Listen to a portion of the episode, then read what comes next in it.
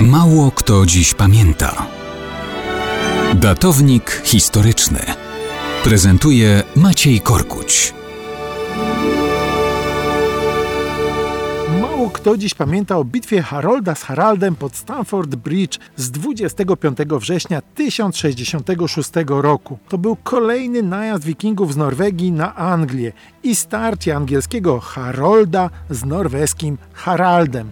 Obaj uważali, że mają prawo do tronu Anglii, z tym, że Harold ten tron już miał, Harald dopiero mieć zamierzał.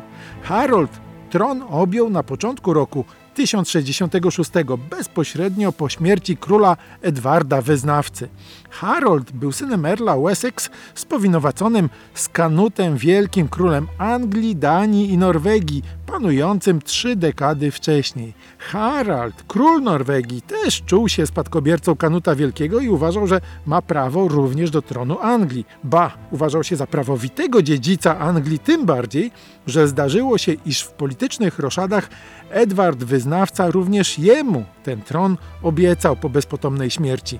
Wydarzenia nabierają tempa, kiedy wygnany wcześniej z Anglii brat Harolda Tostig udaje się do Norwegii poprosić o zbrojną pomoc właśnie Haralda. Ten szybko postanawia zebrać siły i uderzyć. Norweska flota kilkuset wikińskich okrętów zmierza w stronę Wysp Brytyjskich. Na Orkadach zostaje powiększona o wojska możnowładców, którzy szybko uznają Haralda za swego króla. Flota płynie w stronę Northumbrii. 18 września Norwegowie stawiają stopy na angielskiej ziemi. Rzeką płyną w stronę Yorku. Po dwóch dniach w wielkiej bitwie na mokradłach nad rzeką Ouse wikingowie roznoszą w drzazgi wojska Erlów Northumbrii i Mercji. Wydaje się, że York zaraz się Haraldowi odda na tacy, ale sukces usypia czujność Haralda. Po czterech kolejnych zmarnowanych akurat dniach zostaje on zupełnie zaskoczony przez Harolda, który nadciąga z wojskiem od zachodu.